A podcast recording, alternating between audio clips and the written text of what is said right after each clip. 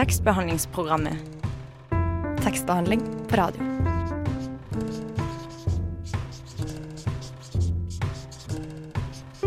Tekstbehandlingsprogrammet.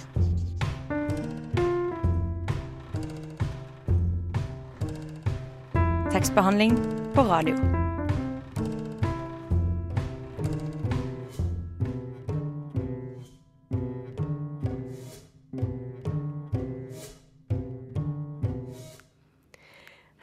Og god onsdag. Du hører på tekstbehandlingsprogrammet, som du kan høre hver onsdag klokka ti på Radio Nova. Sammen med meg i studio er Maria Lokna. Hei, Maria. Hei. Hei. God morgen. God morgen. I tillegg til å være redaksjonsmedlem i tekstbehandlingsprogrammet, så har jo du blitt valgt til å være Radio Novas musikkredaktør dette semesteret. Mm. Mm, så musikken vi hører fra A- og B-lista i dag, den er det du som har fått på plass. Den er det jeg som har fått på plass, ja. Det stemmer. Åssen har det vært å innta ny, en ny rolle i Nova-konsernet? det har vært veldig eh, spennende. Det er veldig gledelig. det. Det er, mye, det er så mye bra musikk der ute at det, det er ja, spennende å finne ny musikk Mm. på Radio Nova. Um, vi skal være sammen med deg eh, den neste timen. Mm. Og eh, i løpet av denne tida så skal vi få besøk av debutforfatter Maria Navarro Skaranger. Som er aktuell med romanen 'Alle utlendinger har lukka gardiner'. Eh, vi skal også høre lyd fra da tekstbehandler Ylva besøkte Vanessa Storøy Merine for å ta en titt i bokhylla hennes. Eh, Vanessa er altså en av to redaktører for det feministiske studentmagasinet Føniks. Mm. Mm, Det blir kult. det blir veldig kult. Men først så skal vi få litt uh, deilig listemusikk fra Radio Nova. Du får Angus and Julia Stone med 'Here We Go Again'.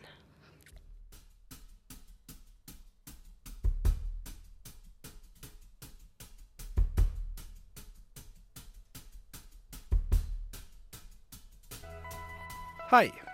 Tror du radio kan være noe for deg? Liker du å skrive, leke med lydbilder eller skru på knotter og spaker? Vi i Radionova søker nye medlemmer for vårsemesteret. Kanskje du ønsker å bli med og lære å lage radio fra bunnen av som frivillig journalist eller tekniker? Søk da vel på våre nettsider www.radionova.no og bli med. Vi høres.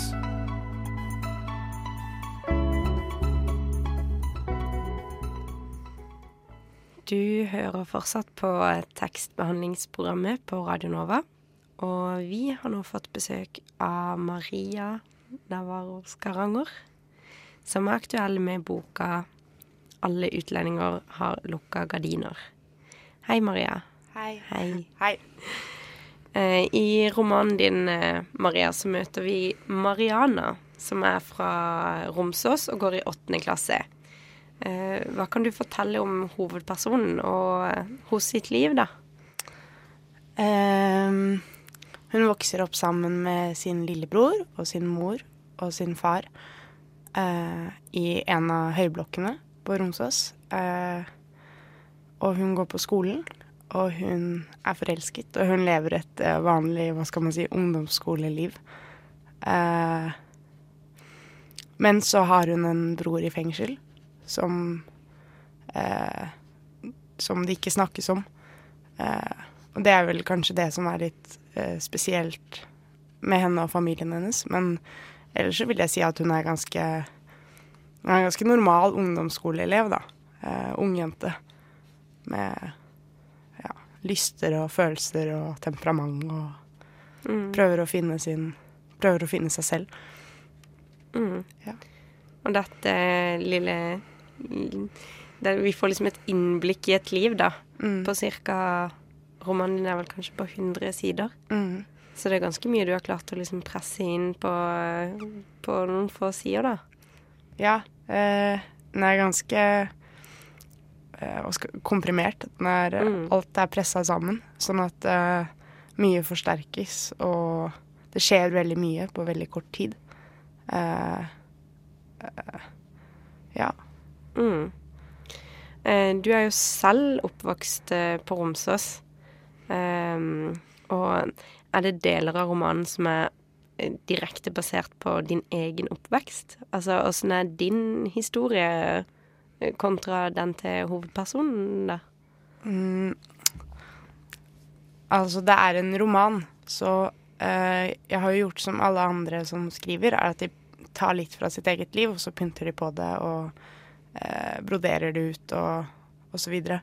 Eh, sånn at eh, Jeg vet ikke hva konkret som er hentet som, som faktisk har skjedd i livet mitt. Eh, men det er jo enkelte skolehendelser eller noe av det som skjer på skolen og sånt, som jeg har eh, opplevd. Eh, men også det er jo pyntet på. Så Mm. det er jo ikke Så ingenting av det jeg skriver, er på en måte sant. Eh, jeg forteller jo om eh, en gutt som dør. Eller han eh, drukner i et svømmebasseng.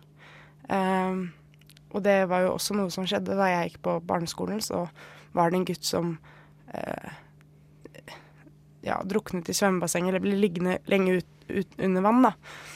Eh, men igjen så er jo det fortalt i min bok, er jo det fortalt av Mariana, som verken var der eller kjenner noen som kjenner han. Altså, eller hun kjenner jo ikke han eller familien hans personlig. Hun kjenner bare noen, eller hun har noen venner som kjenner han.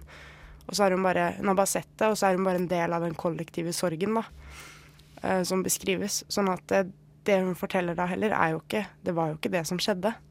Sånn at eh, alt er jo eh, Alt er jo forandret, og alt er jo eh, Ja.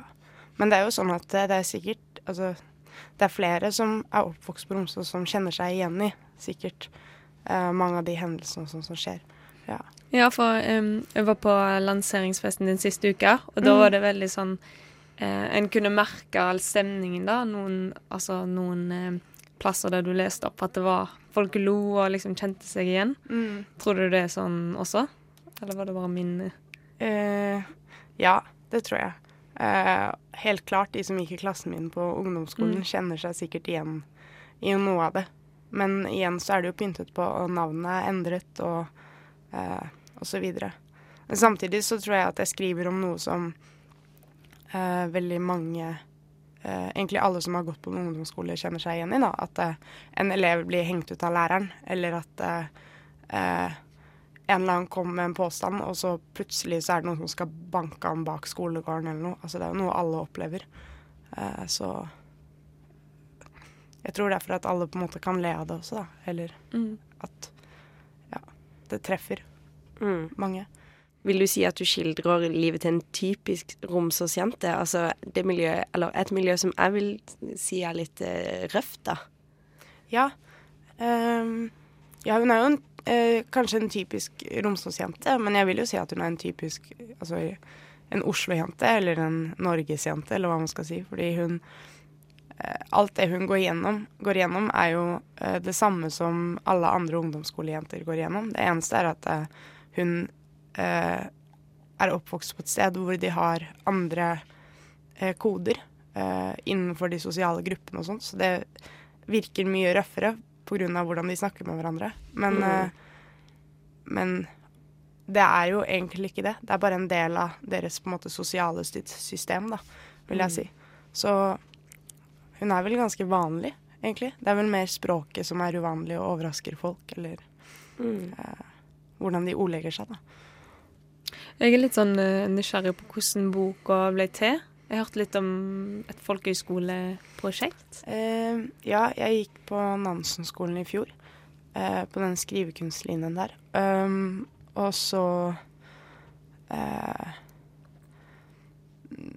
Og så hadde jeg en skoleoppgave um, som var liksom sånn semesteroppgave, som var veldig stor. Og så skrev jeg en del dikt, og så skrev jeg noen sånne tekster. Eh, Kebabtekster. Og så gikk jeg til læreren min, og så sa jeg var veldig stolt over de diktene, da. Og så så han på de, og så sa han bare sånn 'kast de'. og så sa han at men de andre tekstene dine, de er veldig spennende, da. Eh, så fortsett med det, og det er veldig kult, og her har du et prosjekt, sa han. Eh, og det er vel noe en skrivelærer sier til alle, eh, uerfarne som skriver. At uh, prosjekter er viktig og må holde noe i gang. Uh, sånn at jeg bare fortsatte å skrive på det, egentlig. Og så fikk jeg hjelp av andre skrivelærere uh, som leser det. Og til slutt så var jeg vel oppe i Jeg vet ikke 50 tekster. 50 sånne sider. Og så sendte jeg det inn. Mm, ja. Nå er du her. Ja, nå er jeg her. Mm, vi skal snakke mer om litt om denne prosessen og, og, språket, som er veldig spesielt med din roman. Eh, men eh, først så skal vi høre Petit Noir med Chess. Velkommen tilbake til tekstbehandlingsprogrammet på Radio Nova, hvor vi fortsatt har besøk av Maria Navarro Skaranger. Um, Maria, du er her fordi du har uh, gitt ut uh, din første roman, ja. som heter 'Alle utlendinger har lukka gardiner'. Og denne romanen er skrevet på en, i en form som da heter innskutt narrasjon. Mm. og det Hva betyr det? Ja. Vil du forklare, eller skal jeg forklare? Du kan forklare det. det er jo da typisk for en sånn dagbokroman um, at handlinga eh, ikke foregår sånn kontinuerlig, men at det er stykka opp i flere enkeltstående hendelser. Mm. Um, så mellom disse hendelsene så foregår liksom historien som fortelles, da. Og du har uh, stykka det opp du skriver alt fra bare noen få Altså, eller en halv side til to-tre to, sider.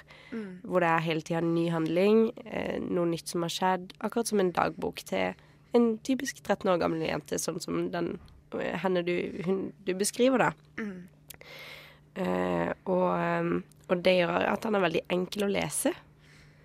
Um, men noe av det mest spesielle kanskje med romanen din, er jo språket han har skrevet på. Ja. Eh, og det er en veldig tydelig, eller kraftig sosiolekt, da. Fra, fra Romsås og det miljøet, gjerne sånn utlendingmiljøet som du beskriver. Mm. Og, um, og, hvor kom denne ideen fra, egentlig, å skrive på denne måten? Det, jeg, jeg, vet ikke helt hvor den kom fra, men uh, uh, jeg tror jo jeg har hørt noe av det eh, rundt meg eh, da jeg gikk på ungdomsskolen selv. Eh, og noe hører du i byen, på T-baner eller på bussen eller på eh, Jeg vet ikke, på butikken når noen ungdommer snakker sammen. Eh, men det begynte vel da jeg begynte å skrive disse tekstene, så gikk jeg litt sånn inn i meg selv, og så begynte jeg å høre på den musikken jeg hørte på på ungdomsskolen. Og jeg så på eh, noen sånne gamle bilder fra ungdomsskolen og litt forskjellig sånn. Eh, og da eh, tenkte jeg at hvordan skal jeg skrive dette? Eller skal jeg skrive dette som Skal Mariana, skal hun være sånn som jeg var, f.eks.? Skal hun snakke riktig bokmålnorsk, og så i noen sånne sosiale settinger så kanskje hun slår over på litt sånn slang. Eller skal det være gjennomført slang? Eh, sånn som da mange gutter kanskje snakker, eh, og ikke jenter.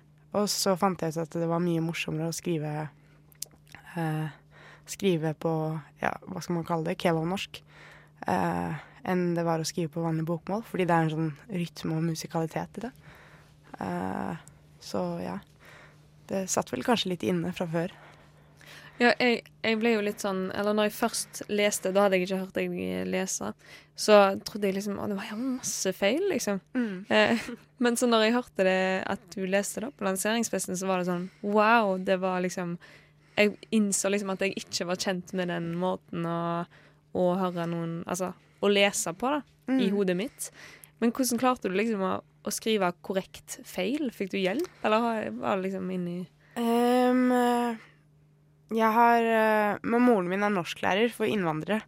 Eh, så hun kjenner jo til en del av disse feilene. Mm. Og så har vi alltid Vi har alltid syntes det har vært veldig gøy med sånn eh, innvandrere i møte med norsk kultur og litt forskjellig sånn. Altså vi snakker jo mye sammen om, om det. Og så kom, har vi snakket litt sammen om eh, hva er de vanligste feilene, da? Eller liksom har hørt etter og sånt. Og så tror jeg det bare har kommet mer og mer. Fordi det er jo i boka er det jo på en måte systematisert, da, eh, de feilene som de, de, går igjen hele tiden.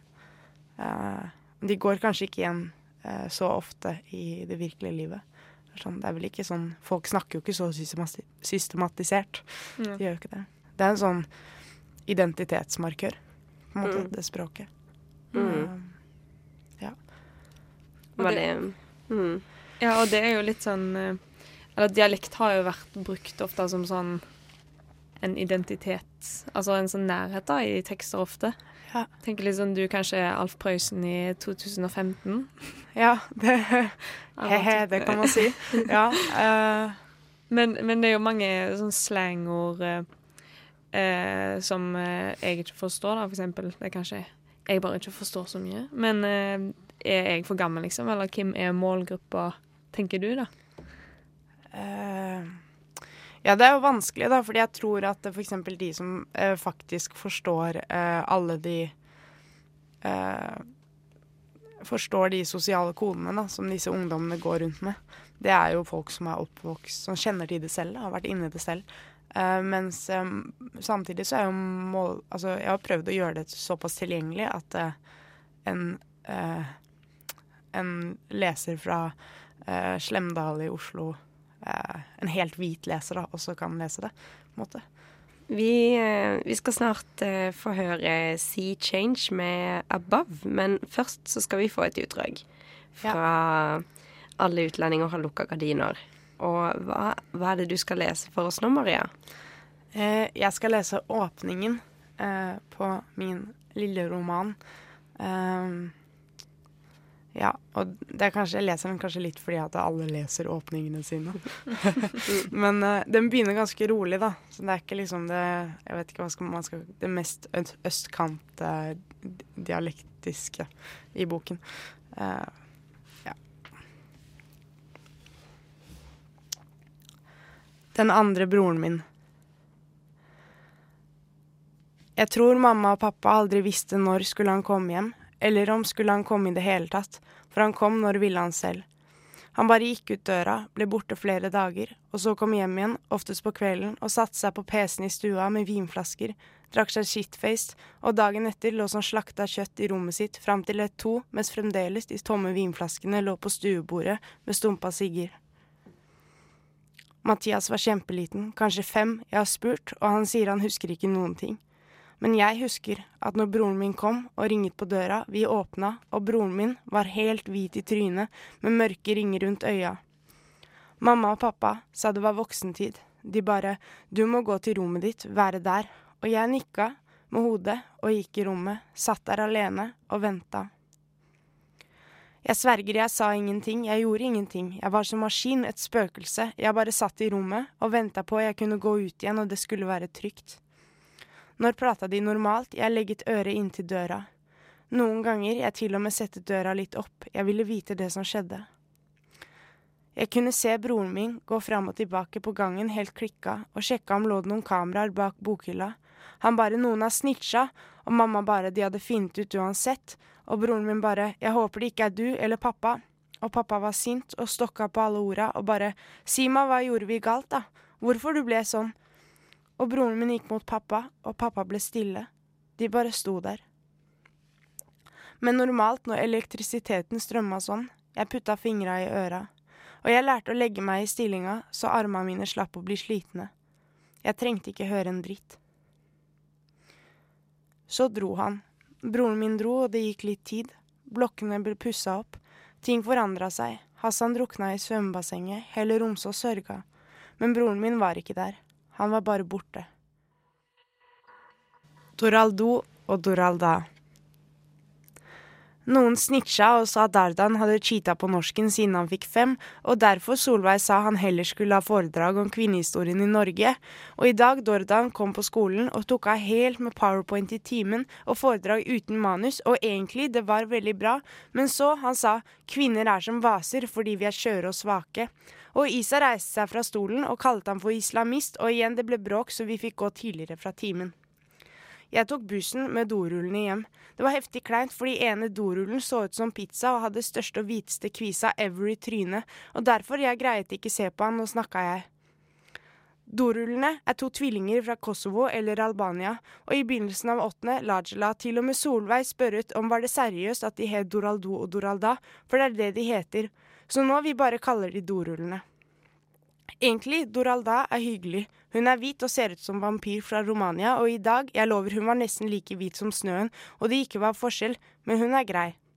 Doraldo derimot er helt skada, la det er ikke mulig å være så full av svarte løgner som han, for han alltid snakker om de store husene sine i Kosovo og hundene sine og hvor mye gull han har bare fordi han har gullkjede rundt halsen, og alle vet de egentlig har ikke så mye penger, for mora deres jobber på Kiwi og de bor i senterblokkene. Det var Maria Navarro Skaranger som leste et utdrag fra sin debutroman 'Alle utlendinger har lukka gardiner'. Du hører fortsatt på tekstbehandlingsprogrammet på Radio Nova. Maria, hva var det vi hørte der? Eh, Det var en tekst om eh, to tvillinger som heter Doraldo og Doralda. Ja, jeg, jeg tenkte litt på Romsås. Altså, det finnes jo ikke så mye litteratur om, om Romsås. Men det er jo en del sånne fremstillinger som ofte er litt negative, da, som vi får fra media, f.eks. Mm. Har du noe forhold til det, eller hva syns du om, om det? Uh, nei, det er jo ikke så veldig mye som er skrevet om Romsås. Og det som er skrevet om Romsås, eller det som blir skrevet i mediene, er jo ofte uh, ganske negativt. Eh, Stemmer det, tror du? Eller den, er den reell, liksom? Nei, uh, det er litt rart, fordi det er ofte sånn at man uh, leser en sånn liten sånn sideartikkel eller noe om Romsås. Da er det sånn 'Gamle damer tør ikke å gå ut før etter klokka fire'. Og det er liksom 'Hallo, vi bor i Norge'. Altså, Mm. det er, jo, det er jo ikke sånn. Det er jo ikke, det er jo ikke som å bo på Ullevål Hageby, men det er jo uh, Jeg vet ikke, det er jo fargerikt. Og det er jo Jeg skal ikke si at Romsås ikke har utfordringer, fordi det er jo masse kommunale boliger der, f.eks. Uh, så Men, men tenker du liksom at det er en slags hyllest til Romsås, eller er det litt sånn der eh, fuck it, jeg er ferdig med det, liksom? Jeg tenker jo at det er en hyllest til Romsås. Jeg syns jo uh, denne boken skildrer et veldig fargerikt miljø. Uh, som ikke er de grå betongblokkene som på en måte er kjennetegnet til Romsås. Da. Uh, men det er jo også Altså, det er jo ikke bare bra ting som skjer her. Det jo, men det er jo en ungdomsskole, og ungdomsskolen, det er Eller det handler Altså, ungdomsskolen er hardt Ja. for alle, uansett hvilken ungdomsskole du går på. Uh, men den er jo, det er jo veldig mye fint som skjer i boka, som er veldig hyggelig. Uh, og så Det er jo en bok som er skrevet om Romsås før. Uh, 'Forsøk på å beskrive det ugjennomtrengelige' av Dag Solstad. Fra 84, tror jeg. Eh, men den er jo igjen eh, eh, Handler om en voksen mann da, som flytter til Romsås og ja, jeg vet ikke hva han er. Er ensom og prøver seg på kona til naboen og forskjellig sånn, da. Og det ender jo Boka ender jo ganske trist, på en måte. Sånn at Ja, jeg håper jo at dette ikke bare er et forsøk på å beskrive det ugjennomtrengelige, men at det faktisk eh, er et forsøk på å beskrive noe som virker ugjennomtrengelig, og at det kommer innifra. Mm. Eh, fra en som har vært der selv. Da var det på tide at det kom en ny Romsås-roman, i hvert fall. Ja. Mm. Eh, alle utlendinger har lukka gardiner. Det er jo en tittel som vekker mye nysgjerrighet hos meg, i hvert fall. Eh, og hvor kom tittelen fra? Er det, er det liksom eh, Er den eh, skapt for å peke på de fordommene som nordmenn har mot Ja, utlendinger? den er jo eh, eh, Ja, det er, kommer jo fra eh, alle fordommene som eh, Ja, som man har mot hverandre. Eh, som nordmann, nordmenn har mot innvandrere, og litt sånn som media framstiller Romsås, da. Eh, og så kommer den jo fordi at eh, familien eh, Eller hovedpersonens familie prøver å holde De snakker ikke om at denne broren er i fengsel. Eh, så derfor har de jo også lukka gardiner, på en måte. Ja, det er en symbolsk tittel. Mm. Vi skal snakke mer med Maria om hos sin debutroman. Eh, men først skal vi høre Caitlin Aurelia Smith med 'Sundry'. Det var Caitlin Aurelia Smith med 'Sundry'. Du hører fortsatt på tekstbehandlingsprogrammet på Radio Nova. Og vi har fortsatt besøk av Maria Navarro Skaranger, eh, som er aktuell med debutromanen 'Alle utlendinger har lukka gardiner'. Eh, Maria, du er 21 år gammel. Og du er 20. 20. Jeg er 20. Blir jeg enda mer deprimert. Noen sier at jeg er 19. Bare sånn for å- Ok, 20 år gammel. Greit, det er jo helt, eh, det er jo helt vilt. Uh, har dette vært en del av planen din lenge? Uh, nei, det har jo ikke egentlig vært det. Uh, det har vært litt sånn Ja, har, har nok litt sjokk, og jeg har nok hatt litt sjokk. Eh, fordi at eh, det, er vel, det er vel sånn at alle som blir forfattere, går egentlig inne med en sånn forfatterdrøm. Men eh, jeg har ikke vært noe sånn Jeg skal ikke skryte på meg og si at jeg har skrevet hele livet, f.eks. Eh, Jeg har kanskje pludra, litt for meg selv, men jeg har jo ikke vist det jeg har skrevet til noen før i fjor, da, på Nansen-skolen. Så det er jo helt sykt. Har du ikke litt lyst til å bare drikke masse champagne og bare springe rundt og Jo, jeg har jo, har jo gjort det, men ja, gjort det, det hjelper liksom ikke. Uh, ja. Mm, kan du beskrive hvordan den følelsen var da oktober Eller da oktober eh, sa at de ville gi ut boka di? Eh, eh, ja, det var jo veldig gøy fordi det er oktober, som er de store forfatternes forlag. Eh, men det var nok litt sånn at eh, Jeg var, var en sånn runde i Oslo da jeg bodde i Lillehammer, hvor jeg var innom eh, flere forlag. Fordi det var flere forlag som var interessert i manuset, da. Eh, og det var jo overraskende, men også liksom ikke overraskende, eller typisk at de interesserer seg for et innvandrermanus, eller den store innvandrerromanen, eller hva man skal kalle det. Eh, men eh, selvfølgelig så er jo oktober er jo eh, De er noen Redaktørene de er veldig gode lesere, og det er jo et veldig seriøst forlag, og man føler seg jo veldig ivaretatt, selv om man, det går masse store Jon Mitchletter forbi deg, på en måte. Altså, Uh, hva er planen din videre, da? Har du, har, kan vi vente mer litteratur fra deg i nærmeste framtid? Um, ja, jeg, jeg håper jo at jeg mm, får gitt ut noe mer. Ehm, men eh, det er jo fremdeles sånn at jeg eh, er litt i sjokk, sånn at eh, eh, jeg får ikke Jeg må nok ha litt tid, fordi jeg syns det er veldig vanskelig å gi ut en bok, egentlig. Eh, og jeg eh, vil at det skal gå litt tid til neste gang, fordi at eh, jeg, jeg tror jeg trenger å forberede meg enda mer. Da. Eh, for det er så utrolig Ja, du gir ifra deg noe veldig kjært, da. Og så skal alle lese det. Og så kan du få dårlige tilbakemeldinger. Og ikke bare fra eh, kritikere, men også fra folk som bare ikke liker boka di. Eller bare syns at det Eller bare vil ha alle innvandrere ut av Norge, og derfor liker de ikke boka di, på en måte. Altså folk er jo Særlig på internett og sånt nå, så er det jo Jeg har ikke opplevd det ennå, men jeg bare vet at Ja. Det er, det er litt nervepirrende. Før vi takker for um, besøket, så skal vi høre enda et utdrag fra 'Alle utlendinger har lukka gardiner'. Og hva er det vi skal få høre nå avslutningsvis? Eh, dere skal få høre en tekst som handler om svømming. Eh, noe som alle ble sikkert tvunget til på ungdomsskolen, og som er helt forferdelig. Da. Hvordan, det, hvordan, hvordan folk reagerer i klasserommet når de får vite at de skal ha svømming. Ja. Alle skal ha svømming. Første skoledagen etter påska alltid er som selveste Victoria's Secret Fashion Show, for alltid folk kommer med nyeste klærne for å vise hva har de fått i ferien. I dag Ezra eksempel kom med en ny Gucci-bag som henne hadde fått i Tyrkia fordi hun var der i påskeferien, men i stedet for det var riktig fake-veske med halve G-er, det var ordentlig fake med dårlig Gucci-tegn og hele G-er, så heller ikke det var noe misunnelig materiale. I norsken Solveig skreik ut vi ikke skulle spørre hverandre hvordan har vi hatt det i ferien, for alltid noen ikke har hatt det bra, og ga ut ark om svømming.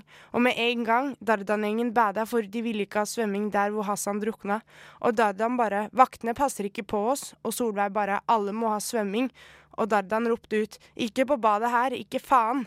Og så Esra også ropte 'Jeg vil ikke ha svømming, det er haram'. Og Isa bare 'Haram, hva mener du?' Og Esra bare 'Jeg går ikke i bikini foran de kåte grisene', og peka på Dardan-gjengen, og Ibra lagde knullebevegelser. Og Isa bare 'Skaff deg en burka-bikini, den er ikke haram', og flira. Og da Esra bare 'Kjeften din, hore'. Og Isa bare 'Unnskyld, jeg hørte ikke'. Og Esra bare 'Hore'. Og så Solveig gikk inn og bare 'Listen to the radio'. Alle skal ha svømming, ellers må dere ha legeerklæring. Og fortsettet å dele ut ark mens fremdeles elektrisiteten var i lufta og nesten Esra sikkert kunne flyte på isa når som helst. Les arket, Solveig sa, og jeg tenkte hvordan skaffe legeerklæring for å slippe svømminga.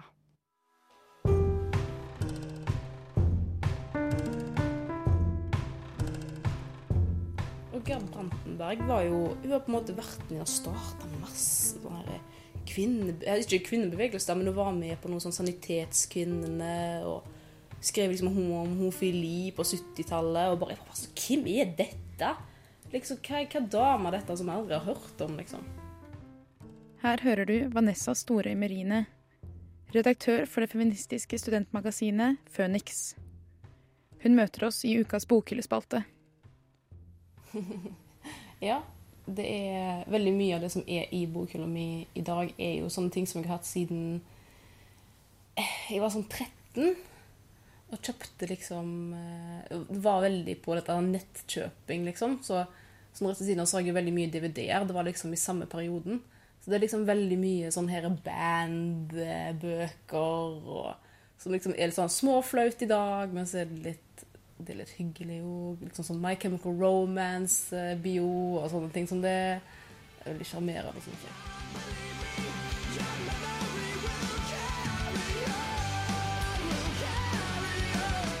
Ja, det er jo en del sånn her eh, For eksempel Everybody Hurts, som er en sånn her eh, slags samling av på en måte emo-kultur. Som jeg husker jeg fikk til bursdagen min når jeg ble 13 år. Og det var fordi jeg ønska meg han, så jeg kan ikke klage på sånne ting. Men igjen, jeg synes det det er veldig gøy da, å ha sånne ting oppe, for det er på en måte en litt sånn tidslinje på hva jeg har vært interessert i når jeg har vokst opp. Og så er det liksom litt sånn Ja.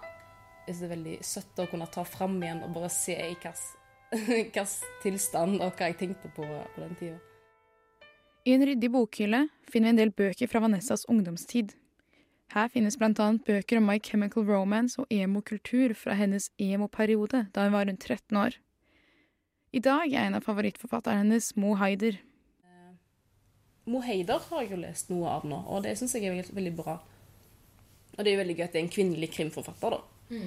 Som skriver veldig mange eh, bøker som er ganske røffe, og som er veldig liksom, grafiske, egentlig. Som kanskje på en måte skal være litt At det er litt unormalt, kanskje for eh, Om det skal være for kvinnelige forfattere. Men eh, veldig, veldig godt skrevet. Oi, favorittbok um, Av det jeg har i hylla nå, så tror jeg kanskje det må være La den rette komme inn, muligens. Bare fordi eh, det er faktisk Jeg har litt problemer med å bli ferdig med bøker. Jeg er veldig sånn jeg starter, og så leser jeg til jeg har en femtedel igjen, og så gir jeg opp. Av en eller annen merkelig grunn. Men eh, den var veldig, eh, var veldig godt skrevet, og veldig, veldig sånn interessant tematikk. Vanessa hadde fått flere fine og brennende aktuelle bøker til jul. Deriblant Egalias døtre og Bak lukkede dører, som er med på å inspirere den feministiske Føniks-redaktøren. Ja. Eh, jeg har nylig begynt på Egalias døtre. Den fikk jeg til jul av Gerd Brantenberg.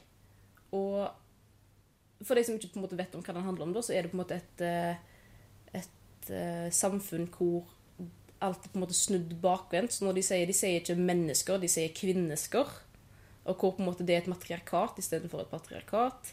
Og sånne ting som det. Og eh, når de bruker det språket på den måten, så blir en så ufattelig bevisst på hvordan ord er brukt i dag. Og altså, det er en veldig det er en humoristisk bok, da. Som handler på en måte om eh, Petrius, tror jeg det er, som på en måte vil bli sjømann. Og så er det han på en måte ei søster og ei mor, og så mor er høyt oppe, og så ler de av han da, for liksom Å, sjømann. Ja, tenk for deg liksom postmann. For det heter jo sjøkvinne og postkvinne. Og, og at en bare blir så sykt bevisst på hva ord har å si når det er satt i den konteksten. Når på en måte en snur alt på hodet, og bare at hele kjønnsrollen er på en måte forandra. Og jeg gleder meg veldig til å på en måte komme meg gjennom den igjen. Men det er mange ord som de bytter ut som jeg ikke forstår hva betyr, og så må jeg på en måte tenke meg om. For jeg bare OK, kvinneske Med en gang en hører det eller leser det, så betyr det ikke at en vet hva det er. For meg, å ja. Så om menn, menn kvinne, OK, ja. Kvinneske. Jeg skjønner. Og det er en så lett introduksjon på en måte til, til et kjønna samfunn. Det er så enkelt på en måte å begynne. Det er ikke noe sånn tungt fagstoff. Det er på en måte en humoristisk sånn, sat- det er en satirebok. Som bare er så lett for alle å kunne lese, egentlig. Det er så tydelig samfunnskritisk eh, at det er Og det er fortsatt relevant. Den er skrevet på, i 70-tallet, ja, 72, må tro, eller noe sånt. Og den er fortsatt brennende aktuell. Men eh, jeg fikk òg en annen bok til jul som jeg ønsker meg, som var fra, fra Anne Bitz, som er 'Bak lukkede dører'. Eh, en bok om voldtekt. Og den ønska jeg meg etter at jeg hadde vært på Feministisk Forum sitt arrangement som var 'Hvorfor voldta'. Som handla på en måte om eh, mer det er, hvem er en voldtektsperson, og hvorfor, og måte litt tematikken rundt det. Og da var Anne Bitz der og snakket eh, om det, og annet om boka si. Og det var bare utrolig, utrolig spennende et utrolig spennende arrangement. Og det var jo helt fullt. Folk måtte jo snu i døra, for det var jo så fullt. Vanessa har siden ungdomsalderen hatt sansen for det dystre og melankolske. Og når hun får spørsmål om hvilken bok eller hvilket dikt som kan brukes for å beskrive henne, faller i hendene på den dystre og melankolske poeten Edgar Allan Poe. Det er jo et, jeg har jo Edgar Allan Poe-samling da, av dikt. Og der er det jo på en måte sånn noen dikt som er favoritter. For eksempel Annabelle Lee. Jeg tenker kanskje jeg skulle sagt at det var diktet Annabelle Lee. Hvorfor det? Nei, det var veldig Det var veldig eh, det var Veldig fint skrevet. Og veldig fint oppsett. Og vet ikke det bare veldig sånn, et dikt som er veldig sånn talende til meg, uten at det er kanskje har Og det er veldig sånn, sånn melankolsk og sånn trist uh, tematikk, da. Men uh, for det er noe som jeg alltid kan lese og alltid syns er like fint.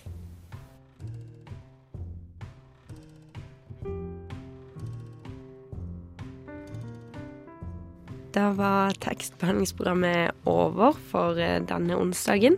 Vi har eh, hatt besøk av eh, debutforfatter Maria Navarro Skaranger med hennes debutroman 'Alle utlendinger har lukka gardiner'. Det siste du hørte der, var Ylva, som eh, besøkte Vanessa Storøy Merine eh, og kikka i hos sin bokhylle.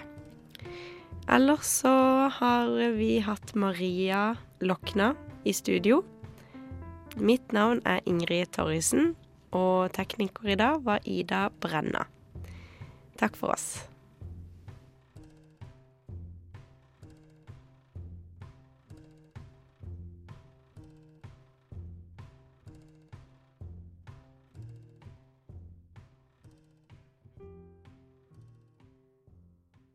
Radio Nova FM 99,3 og radionova.no.